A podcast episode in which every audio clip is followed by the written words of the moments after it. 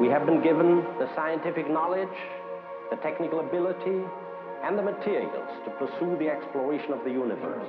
Vitenselskapet. Stedet der vitenskap møter underholdning. Sequence start. Six, five, four, three, two, one. It's one small step for man. One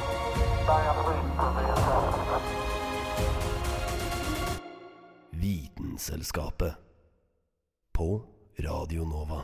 Hallo, og velkommen til dagens sending av Vitenselskapet. Takk for at nettopp du har tatt deg tid til å høre om, eh, høre om tid i dag eh, hos oss. Jeg heter Julianne Lifjell, og med meg i studio i dag så har jeg med meg Kristoffer Ramage. Hei, hei. Vi har heldigvis hatt tid til å være her i dag, Ja. og det er, eh, det er fint. Spesielt når vi eh, skal snakke om tid. Eh, Har du hatt mye tid i det siste, Kristoffer?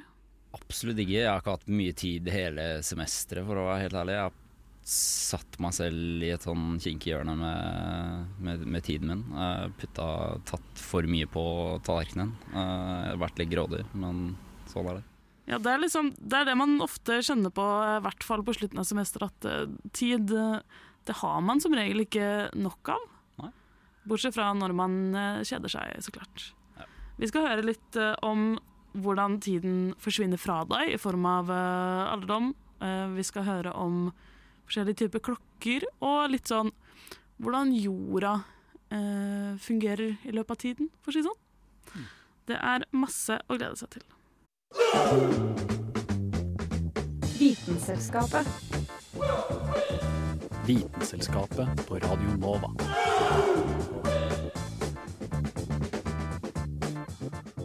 Det er veldig ofte vi ikke har nok tid.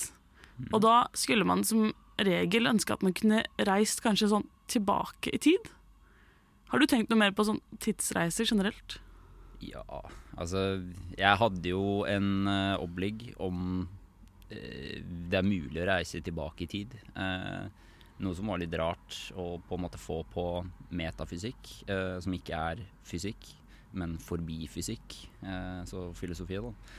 Men det handla jo i filosofien så handla det mest om eh, ulike paradokser og sånn du vil møte på eh, i altså, en teoretisk eh, tidsreise. Men eh, jeg er jo veldig glad i liksom, fysikk og, og sånne ting også.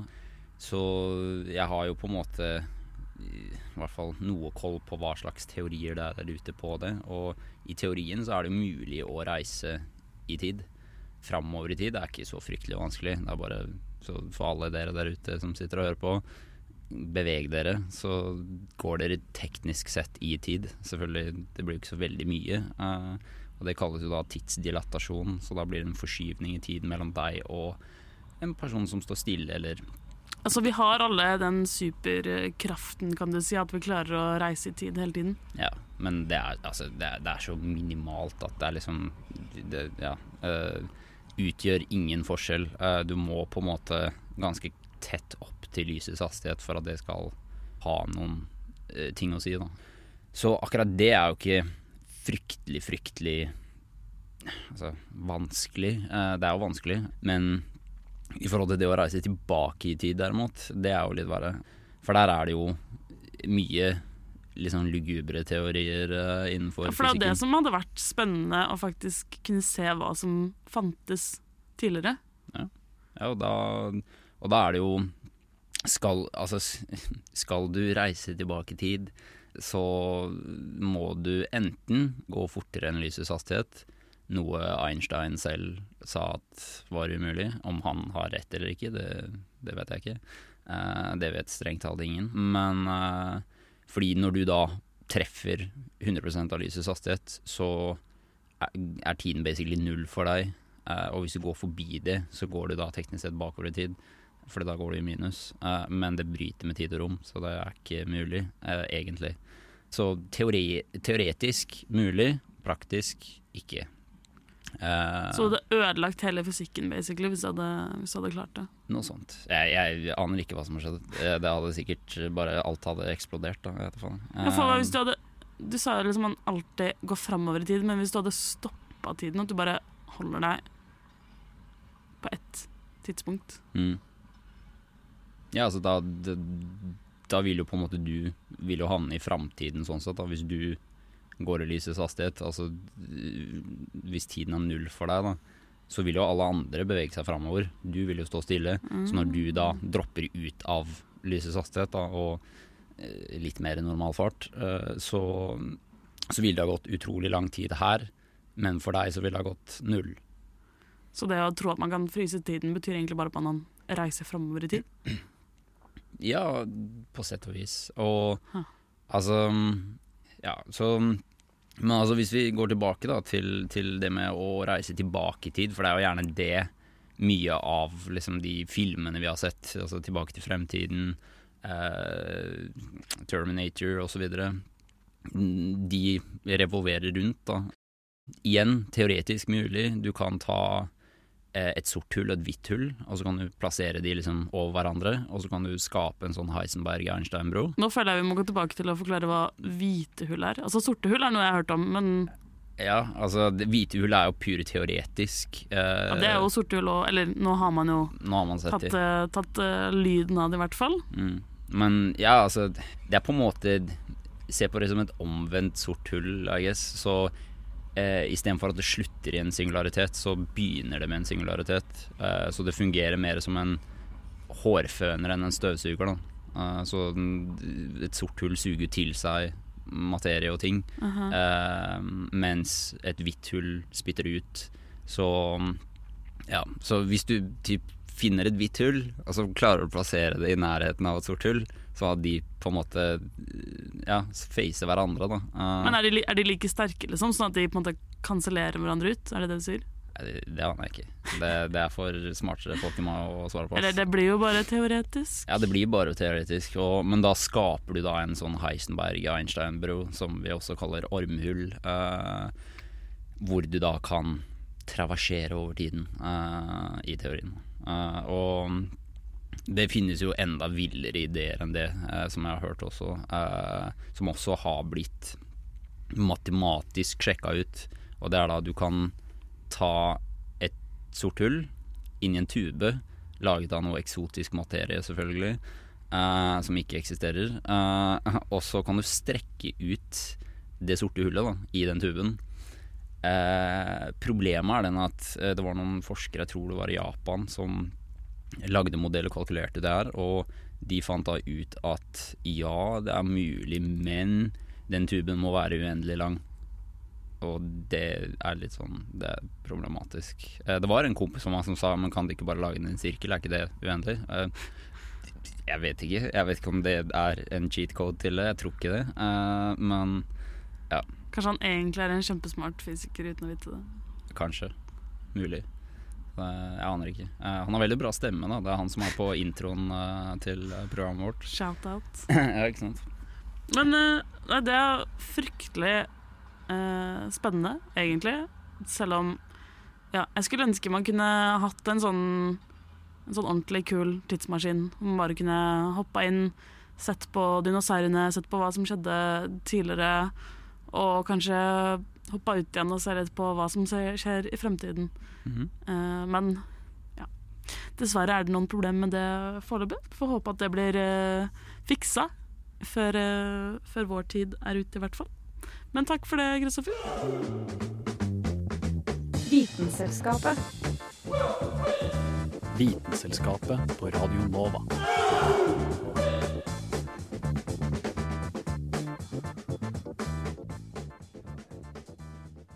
Om eh, det er noe tid gjør med oss, så er det å gjøre oss eldre. Vi blir jo eldre hvert sekund, egentlig. Eh, og da slites også kroppen ut. Eh, til slutt så blir vi gamle. Men hva er det egentlig som gjør at kroppene våre blir eldre?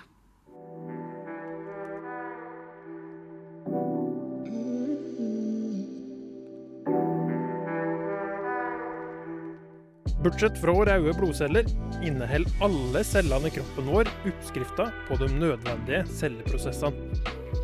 Denne oppskrifta er det vi kjenner som DNA-et, som gir kroppen din alle instruksjonene som en kan trenge.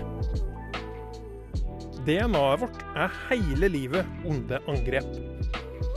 UV-stråling fra sola og luftforurensning kommer utafra, og fra inni kroppen herjer oksygenradikaler som oppstår mens vi puster.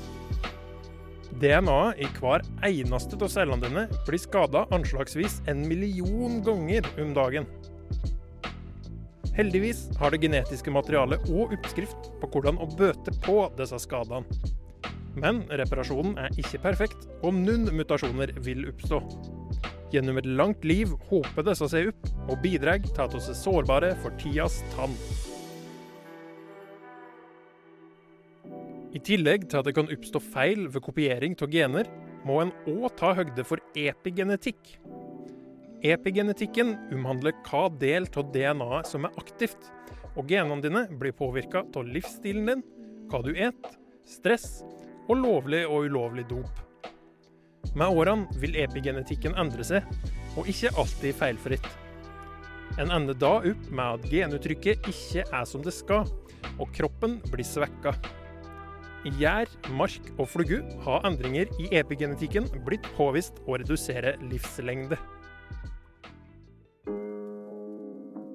En annen faktor som svekker genmaterialet vårt over tid, er teliomerer. Dette er endedelen av kromosomene våre. Fordi kroppen hele tida fornyer seg, må genene våre kopiere seg på nytt og på nytt og på nytt. Og for hver kopiering blir en bit av teliomerene tapt, og de blir stuttere og stuttere over år. Når teliomerene blir for stutte, slutter cella å kopiere seg. Da fornyer ikke cellene seg, og det er bare et tidsspørsmål før ting begynner å skrante. DNA-et vårt har oppskrifta for å logge proteinene og enzymene kroppen vår trenger. Proteinene og enzymene styrer alle kjemiske reaksjoner i cellene, og gir cella strukturen sin. For at proteinet skal kunne gjøre jobben sin, må de brettes på en helt spesifikk måte. Tenk origami. Etter hvert som årene går, blir de brettene her mindre presise, og til slutt funker ikke proteinene som de skal. Alzheimer er ett eksempel på en sykdom som oppstår som følge av at feilbrette proteiner hoper seg opp. I tillegg til alle de faktorene her, spiller hvordan cellene oppfatter næringsinntak, dysfunksjon i mitokondrier, passive celler, oppbrukte stamceller og endra cellekommunikasjon inn. Innvikla greier. Det var litt om hvordan oss eldes, som jo er biologisk undersøkbart. Men hvorfor eldes oss? Ulike hypoteser fins, men nærliggende er det å tenke på at oss organismer alltid søker å bedre oss. For hver generasjon skal tilpasse oss bedre til omgivelsene, og da vil en tusenåring ha motsatt effekt. Etter at vi er ferdig med å formere oss, har vi mindre behov for å fortsette å eksistere. Likevel er det nyttig å ha de gamle en stund, til å yte omsorg, gi visdom og videreføre kunnskap. Etter hvert vil jo nye gamlinger komme til, og aldring og død sørge for at stafetten her i livet, oss alle kjenner så godt, fortsetter.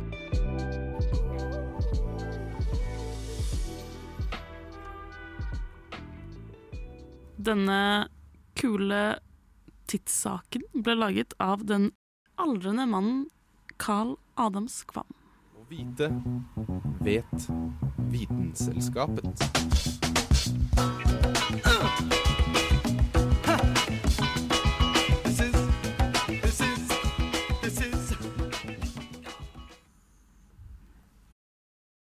Vi skal rett over til å snakke om mere tid, nemlig i form av symbolet for tid eh, i seg selv.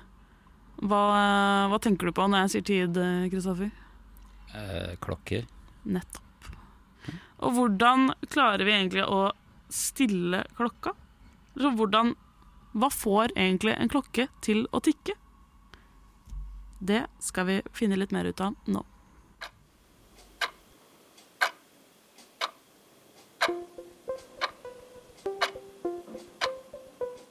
Hvordan kan en krystall vise tida? Vel, det høres kanskje rart ut, men med mindre du har en smartklokke eller bare bruker klokka på mobilen, er det en god sjanse for at sekundene på klokka di styres av en krystall, en av verdens vanligste mineraler til og med. Om du har en klokke for hånden, kan du jo sjekke selv om det kanskje står kvarts skrevet i små bokstaver på urskiva. Dersom du gjør det, styres tiden din av samme materiale som du antagelig tråkker på når du går nedover en grusvei. Kvarts brukes i mange klokker, både klokker med visere og digitale. Kvarts har nemlig noen helt spesielle egenskaper. Den er det man kaller piezoelektrisk. Piezo stammer fra gresk og betyr press eller skvis. Materialer som er piezoelektriske, skaper nemlig elektriske ladninger når man presser på dem. En lyttervennlig metafor på dette kan f.eks. være en hundeleke som produserer elektrisitet i stedet for et pip når man klemmer på den. Effekten er også reversibel, som betyr at uh, om man tilfører elektrisitet i et piezoelektrisk materiale, vil materialet presse seg sammen. Om vi skal bruke metaforen med hundeleken igjen, vil det si at om hundeleken var piezoelektrisk, ville den klemme seg sammen når den hørte et pip. Ok, så kvarts er altså piezoelektrisk og har disse spesielle egenskapene. Men hva har det med tid å gjøre? Her blir det litt teknisk. Den lille kvartskrystallen i klokka di er nemlig forbundet med et kretskort, som er forbundet med et klokkebatteri. Når strømmen fra batteriet går inn i krystallen, får dette krystallen til å skvise seg sammen kjempefort. Faktisk så fort at den vibrerer 32 768 ganger i sekundet. Piezoelektriske krystaller som skviser seg sammen, produserer, som jeg nevnte, strøm. Det betyr at kvartsen sender ut en spenning som svinger nøyaktig 32 768 ganger i sekundet. Dette går inn i kretskortet, som deler opp dette slik at det sendes ut som én puls per sekund. Denne taktfaste elektriske pulsen er det som gjør at sekundene på den analoge eller digitale klokka går framover. Men kan man egentlig stole på en krystall? Kvartsklokker er generelt ganske nøyaktige, men ikke helt. Krystallene kan nemlig påvirkes av endringer i trykk eller temperatur. Hvis du har en kvartsklokke på armen, kan det faktisk lønne seg å ha den på til enhver tid, framfor å ta den av og dermed utsette den for endringer i temperatur. Det vil si, dersom du tenker at det er verdt det. Vi snakker nemlig om en unøyaktighet på kanskje ett sekund i døgnet. Ett sekund fra eller til er som regel ikke så farlig. Selvfølgelig, med mindre du produserer en radiosending som skal være nøyaktig 30 minutter og ikke et sekund mer. Og hun som eh, tikket fram denne sendingen om klokker, var Kristin Grydeland. Vitenselskapet.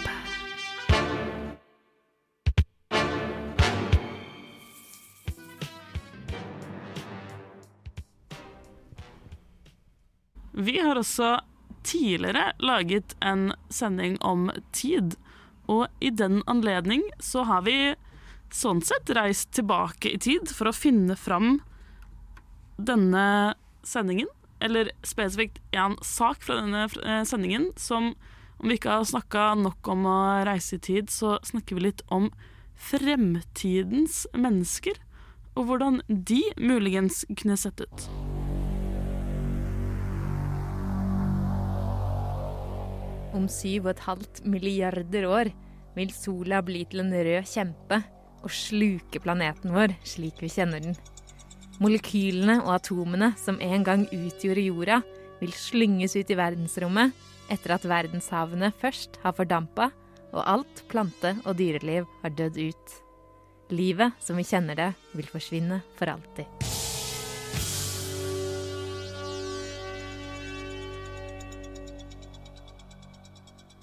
Vi trenger imidlertid ikke vente til at den døende sola øker temperaturen på kloden til ulevelige nivåer for at menneskene som vi kjenner dem i dag, vil forsvinne. Dagens mennesker er nemlig allerede på vei mot utryddelse.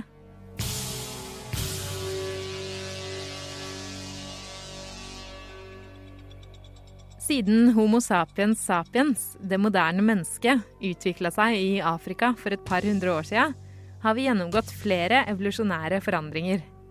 Selv om vi mennesker anatomisk sett er like våre forfedre, har vi i løpet av tida som er gått siden utvandringen fra Afrika, bl.a. utvikla laktosetoleranse, og vi er blitt ca. 10 cm høyere enn vi var for bare 150 år sia. Omgivelsene våre og menneskets hverdag og teknologi forandrer seg kontinuerlig.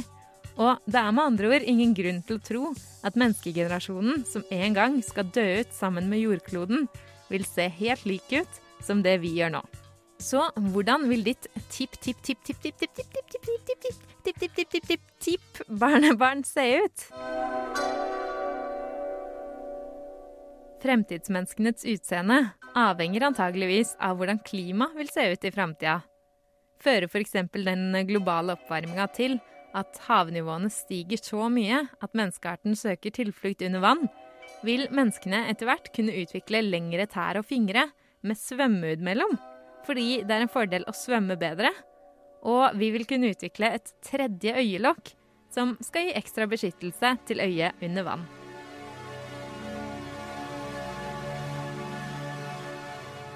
Et annet fremtidsscenario er at jorda opplever en ny istid, forårsaka av f.eks.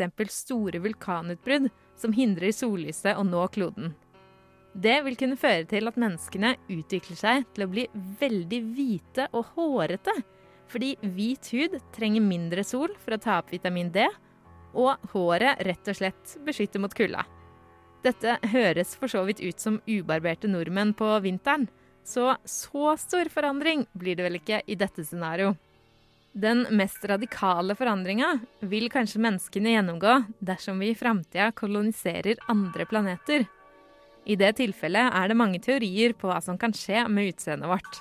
Blant annet er det mulig at menneskene som lever på planeter med mindre lys, vil utvikle større øyne for å kompensere for lysforholdene. Og vi vil kunne få mørkere hud som beskytter oss mot økt UV-stråling utafor jordas ozonlag. I omgivelser som er mer utsatt for ødeleggende kosmisk stråling, så vil kanskje også øyelokkene våre bli tjukkere.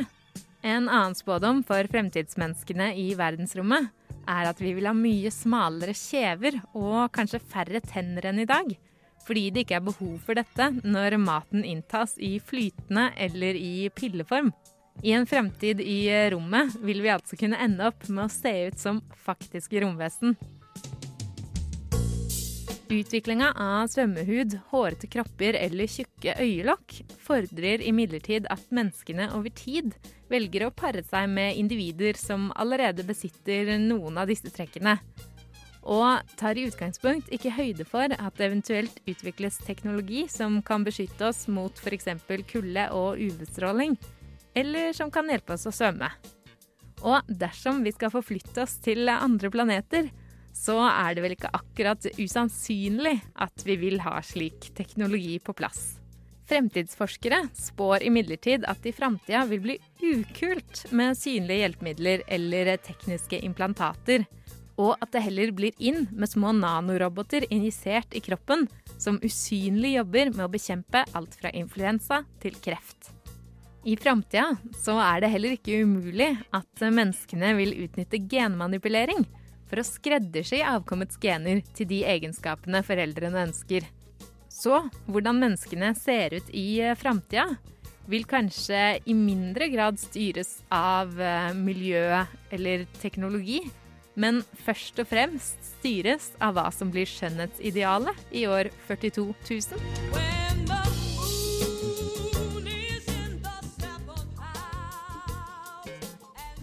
Og denne saken, som vi måtte reise litt tilbake i tid for å finne, var laget av Hanne Grydland. Hæla i taket med Vitenselskapet.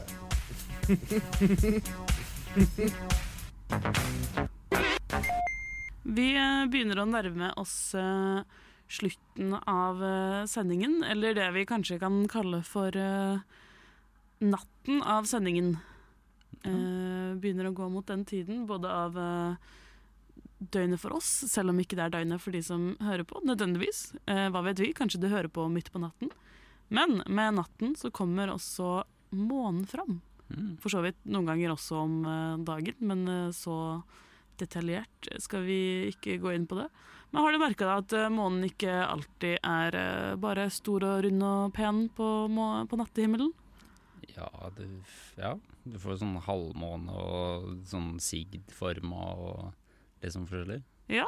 Eh, og det som er litt gøy med månefasene, eller det er jo derfor vi kaller det for en eh, Altså vi har flere måneder i året, er jo at eh, månefasene eh, varer i eh, sånn en måned. Eh, rundt det, da, sånn ca. 29 dager. 29,5 dager. Så det er jo omtrentlig det vi har kalt for eh, en måned. Eh, og det som skjer i de forskjellige månefasene, er at eh, månen går gjennom forskjellige punkter av, av synlighet, kan du kalle det. Altså, noen ganger så er den veldig eh, stor og rund og eh, pen på himmelen. Og det er da Det er ikke sånn at eh, jorda skygger for den, men det handler om hvor mye lys som blir reflektert. Fordi når månen er full, så er sola og eller, så- ja, sola og månen på hver sin side av jorda. Så vil si at all lyset blir reflektert. Mm. Mens når den da er eh, sånn halv, så er den litt sånn på siden, så du bare får halvparten av lyset reflektert. Så det handler litt mer om hvordan eh, hvor mye lys som faktisk blir reflektert fra månen. Det, altså, den funker jo som en stor refleks, egentlig. Ja, ja den gjør, ja, jo det. Eh, Jeg vet at det er mange som kanskje, i hvert fall bakover i historien, trodde at det var månen selv som lyste, men eh, Og det er nok eh, en del der ute også som før de lærer at det er feil, at det er ikke månen som lyser. Ja, det er sikkert mange som, eh, som fortsatt eh, tror det. Altså, den, den gir oss jo litt eh, lys på vinteren, for å si det sånn. Eh, eller på vinteren, på nattetid i hvert fall. Men eh, det er ikke først og fremst den som uh, lyser. Den er jo bare ja, Den er jo ganske ja, lys uh, av seg selv, så den er god til å reflektere lys. Sånn sett. Men noe annet som er litt interessant når det gjelder eh, jordas eh, rotasjon, når vi snakker om tid, eh, så kan vi gå litt inn på sånn kanskje kaldere tider, eh, nesten istider. Eh, det er jo at eh, hvordan, hvordan vet du eh, Holdt å si Hvordan er jordas rotasjon rundt sola? Eh, den er elliptisk Nei, eh, jeg Jo. vet ikke. Ja, det er sånn Det stemmer. Altså, mest av alt at den er elliptisk. Og eh, noe av grunnen til at vi har eh, sesonger, håper jeg, at vi har eh, årstider, som det heter, er jo at vi eh, er på en liten sånn vinkel også. Det som det gjør, er at eh, over tid så endrer denne vinkelen seg, og den elliptiske banen endrer seg. Sånn at den er ikke alltid Eller noen ganger er den mer dratt ut enn andre ganger. Og dette er over store tidsskaler. Eh, sånn hundretusener av år. Hvis du ser for deg jorda som en snurrebass, mm. og så vet du hvordan liksom, en snurrebass endrer på seg i løpet av måte, de få sekundene som den snurrer. Denne type snurring kan du si da, som jorda også holder på med, har også en endring i løpet av tid. Og kombinert disse tre forskjellige faktorene som endrer på seg, som sagt endrer seg over tid, og dette kalles for Milankovic-sykluser. Du kan legge de opp i forhold til temperaturen på jorda eh, over store tidsskalaer igjen, og så ser du en sammenheng mellom tider hvor jorda har hatt litt forskjellig vinkel, hvor den har vært litt lenger, har hatt litt eh, lengre baner rundt sola, type ting, og sett at dette er eh, kaldere perioder, eh, såkalte cold house-perioder.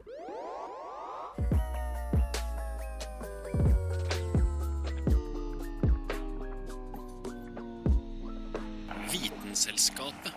Da har vi dessverre gått tom for tid eh, for denne ukas sending.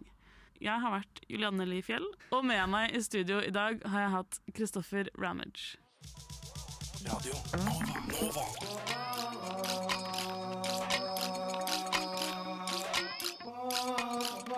Siden 1982 har Radio Nova gitt deg favorittmusikken din før du visste at du likte den.